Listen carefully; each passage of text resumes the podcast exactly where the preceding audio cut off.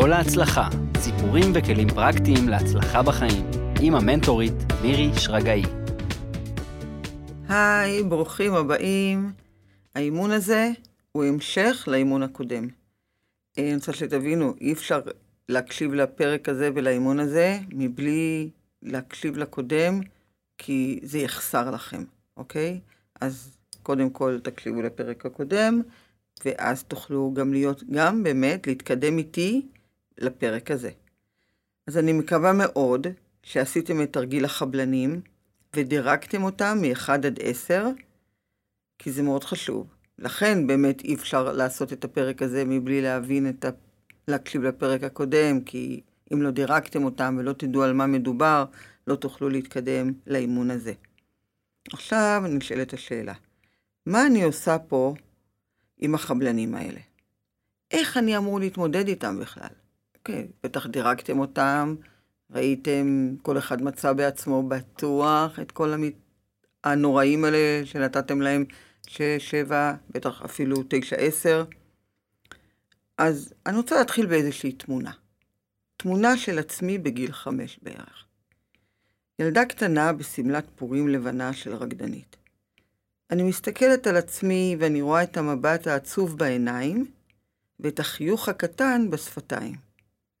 המבט הוא השתקפות של הלב הבודד, והחיוך הוא של החבלן המרצה, שכבר אז, כבר אז, תפס מקום חזק בילדותי.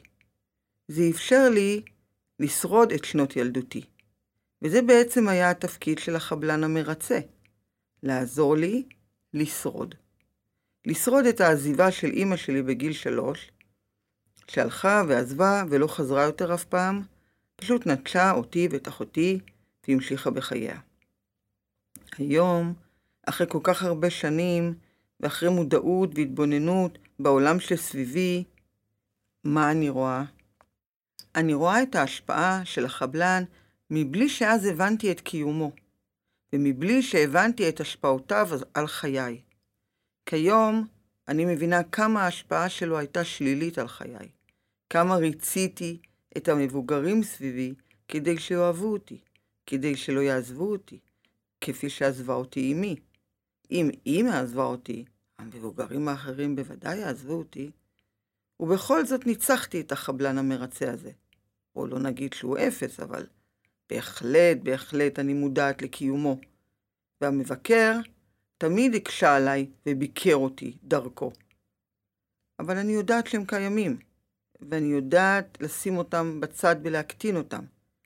ולמרות זאת, הצלחתי להקים משפחה טובה, ועשיתי ככל שביכולתי להיות אימא טובה ונהדרת לשני בניי היקרים. אז גם אתם, וגם אם לא הייתה לכם ילדות קשה, החיים בכל זאת הציבו לכם בטוח אתגרים ומצבים שהייתם צריכים לייצר עבורכם את החבלנים שלכם כדי לשרוד. החבלנים הם תופעה אוניברסלית. יש אותם לכולם. אם לא הייתם מודעים לקיומם, זה לא אומר שהם לא קיימים.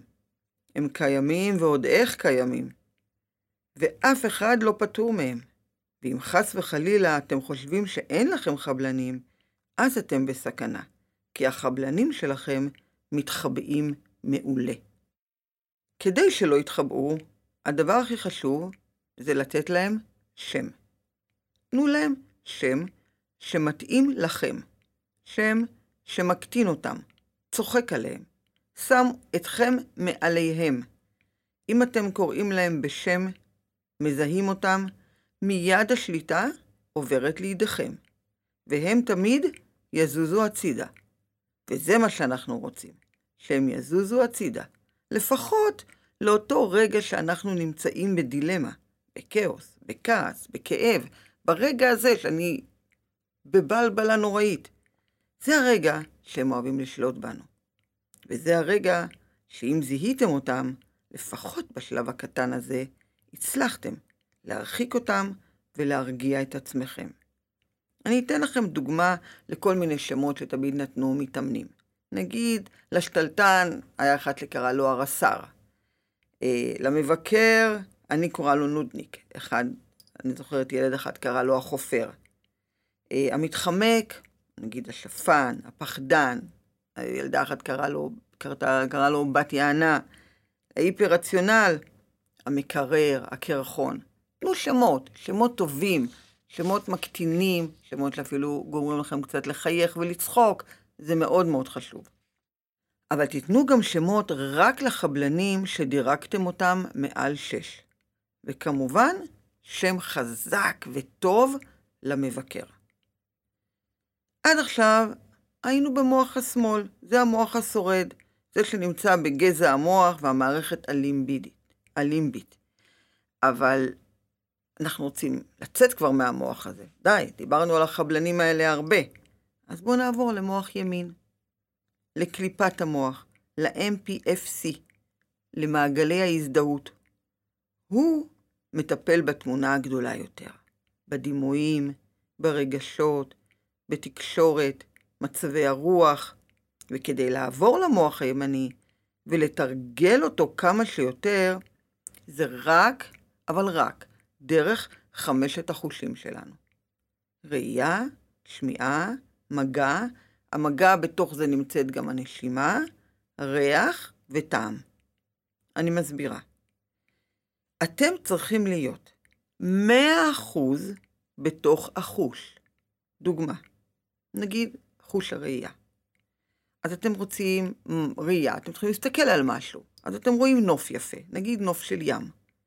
אז אתם צריכים לבהות בנוף, להרגיש את הראייה שלכם ולהעמיק ולהרגיש את העיניים רואות, ולא מה הן רואות.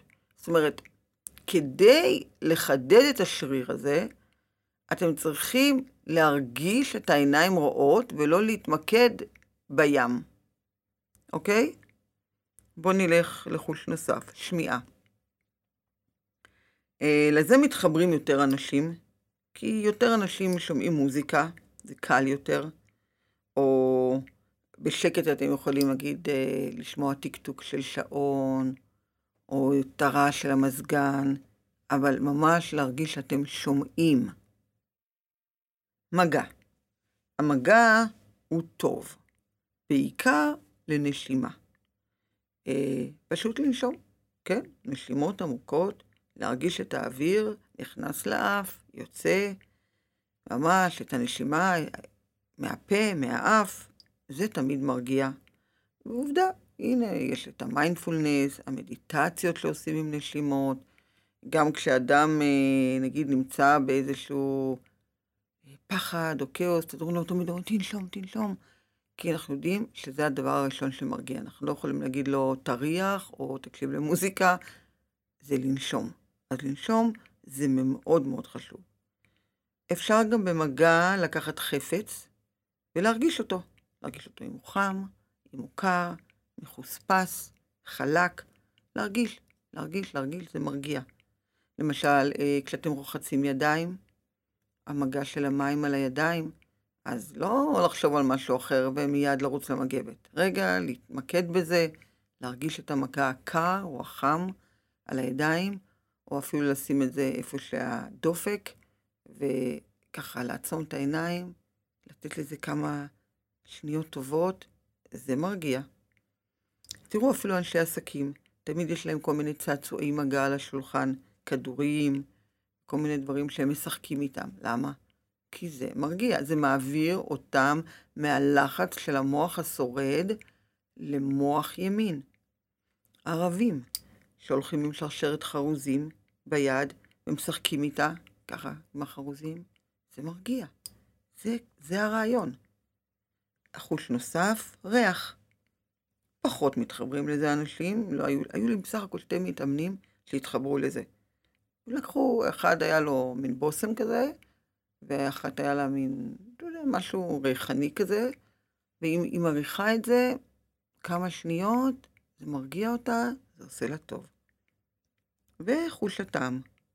אתם אוכלים, ואוכלים הרבה פעמים ביום, נכון?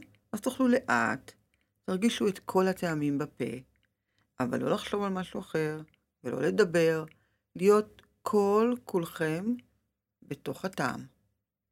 כמה שניות כאלה הרווחתם עוד קצת חיזוק של השריר. תבחרו לכם את החוש שנוח לכם, לתרגל איתו ולהיות בתוכו 100%.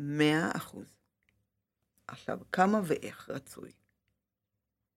רצוי לעשות 100 סטים ביום. זה נשמע הרבה? זה לא. כי זה 100 סטים ביום של 10 שניות.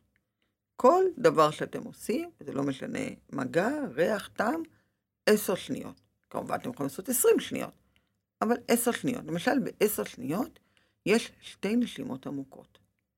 ממש. זה בדוק. עמוקות, והחוצה, נשימה עמוקה, והחוצה זה 10 שניות. אז כמובן, אם צריך יותר, אז עושים 30 שניות. בסך הכל זה נותן רבע שעה ביום.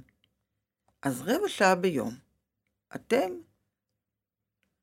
מחזקים את השריר של המוח הימני, שזה יכול להיות באמבטיה, שזה מקום נהדר באמבטיה, כי במילא אתם באמבטיה לפחות עשר דקות.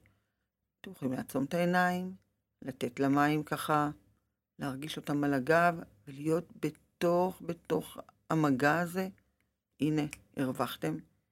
בהליכה שאתם עושים, בארוחה, במדיטציה, בטיול, במנוחת הצהריים. אלה המצבים. אני בטוחה שאתם יכולים למצוא לכם לפני השינה, גם כן, לעשות כמה נשימות, אבל תגיעו לרבע שעה ביום. זה יכול להתפרס לאורך כל היום. כמובן שאם אתם עושים מדיטציה של 20 דקות, וואלה, הנה, עשיתם את היומית שלכם. עכשיו, למה זה אומר? המוח הוא שריר. ככל שתתאמנו יותר על השריר של המוח הימני, אתם צוברים כוח חיובי לעצמכם. פשוט מאוד. כמו בספורט, אוקיי? אתה עושה ספורט. נגיד, אתה מרים משקולות בידיים. לאט לאט היד היא מאוד מאוד חזקה, השריר מתחזק. בבוא הרגע הנכון, כשתצטרכו להרים משהו כבד, יהיה לכם כוח, כי היד היא עם שריר חזק. אז זה אותו דבר, זה מטעין בכם את המצברים הפיזיים ואת המצברים הנפשיים שלכם. אז ברגע האמת, כמו עם השקית הכבדה, ברגע האמת, תדעו לספור עד עשר. יהיה לכם כוח להתמודד מול המחבלים האלה. מחבלים, חבלנים, לקרוא להם לפעמים באמת כמו מחבלים. ולא להידרדר במדרון החלקלק שהם טומנים לנו. ואז רגע נרגעתם, לפחות לרגע נרגעתם. אחרי שנרגעתם, אתם מזהים מיד את החבלן, שנמצא ברגע הנוכחי. תקראו לו בשם שלו שנתתם לו. תקטינו אותו, תעיפו אותו, אוקיי? אז תזכרו, אתם בתוך הכעס, אתם יודעים שאתם כל הזמן, השריר הזה סך הכל הוא כבר עובד, הוא איתכם, אז תיקחו עוד איזה כמה נשימות, או תנשמו משהו שאתם אוהבים להריח. אתם בטח לא תאכלו משהו, עכשיו אתם בשיא הכעס. אבל יהיה לכם את הכוח הזה לספור עד עשר. ואז באמת מיד תזהו את החבלן. או, הנה, הנה הקרצייה הגיעה, נהדר. ברגע שאמרתם את זה, הוא יזוז מיד הצידה. אני מבטיחה לכם שהוא יזוז הצידה. וזה יאפשר לכם לעבוד על אותה סיטואציה שלרגע הרגיזה אתכם. אני אתן לכם דוגמה. אני חייבת לתת לכם דוגמה, זה, לדעת לפעמים זה קצת מורכב. היה לי מתאמן שהיה בישיבת אה, הנהלה גדולה מאוד, משהו כמו דירקטוריון כזה, והוא היה צריך לתת מצגת. אוקיי. הזמן עובר, כולם מדברים, פתאום הוא חטף פשוט פאניקה, חטף blackout נוראי. והוא הוא מה זה הכין את עצמו במצגת הזאת. אני חושבת שאם היו מראים אותו באחת בלילה, הוא היה מסוגל אה, להגיד את הכל בעל פה. אבל זהו, הוא חטף את הבלקאוט הזה, ולא היה מסוגל לעשות כלום. ועוד כמה דקות, זה תורו. אז הוא נזכר בתרגילים שלנו, לקח את היד החמה והרותחת שלו והמזיעה, שם אותה על המרפק, על הברך, מתחת לשולחן, שלא יראו. טוב, הוא לא יכול לעשות עכשיו נשימות ליד אנשים, הוא לא יכול להריח, הוא לא, מה, הוא לא יכול לאכול, הוא גם לא יכול לבהות, נכון? ולא להקשיב למוזיקה, כי כל המוזיקה שהייתה לו זה הלחץ והקולות של החברי דירקטוריון. שם את היד מתחת לשולחן, על הברך שלו. ובעצם לרגע, לעשר שניות, התנתק מכל הרעשים שהיו סביבו. אז בסדר, אז הוא לא שמע מישהו אומר איזה כמה משפטים. הרגיש את כל חום היד על המרפק שלו, וזה לאט לאט לאט הרגיע אותו, ממש הרגיע אותו. הוא ראה את החבלן, הוא ראה את הפרנואיד שהכניס אותו לפניקה, קרא לו בשם שלו, ונרגע. וכשהגיע התור שלו, הוא היה מסוגל לקום ולתת את המצגת. אני זוכרת שהוא בא לאימון וסיפר לי את זה. היה כל כך מאושר, כי הוא אמר שבמקרים אחרים הוא פשוט היה קורס. הוא לא היה מצליח לעשות את זה. אז זאת הייתה הדוגמה, אני חושבת לי, דוגמה מאוד מאוד טובה למשהו קטן בתוך אה, ישיבה כזאת, שאתה, מה אתה כבר יכול לעשות? אוקיי? אבל אם אתם בבית או בכל מקום אחר, יש לכם הרבה יותר זמן לקחת רגע נשימות לפני שאתם אה, צועקים בבית, צועקים על הילדים, אה, צועקים אה, כבוסים על העובדים שלכם. קחו, קחו נשימות. או, או כל דבר שנוח לכם להיות בחוש. צאו רגע החוצה אפילו, ותזהו את החבלן, ותראו שכבר נרגעתם. זה עוד לא אומר שאתם יודעים להגיד נכון את הדברים, כי זה השלב הבא, אבל לפחות נרגעתם. לפחות נרגעתם, אוקיי? אז אם אתם רוצים תוצאות מיטביות לחייכם, תעשו את התרגיל הזה. לפחות חודש רצוף. וכמובן, כדי לשמר את הכוח הזה ולשמר את השריר הזה, בעצם אתם צריכים לעשות את זה כל חייכם. כמו שאתם מצחצחים שיניים, פעמיים ביום. נכון, אתם עושים את זה. כי חשוב לכם השיניים, אז מה? לא חשוב לכם הכוחות שלכם? היכולות שלכם? תמצאו זמן לעצמכם, תאהבו את עצמכם.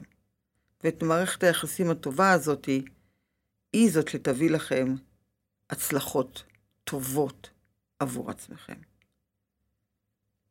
אז uh, אני רוצה לסיים, ואני באמת מבקשת, תעשו את זה, תעשו את זה. אני עושה את זה כל הזמן, כל הזמן.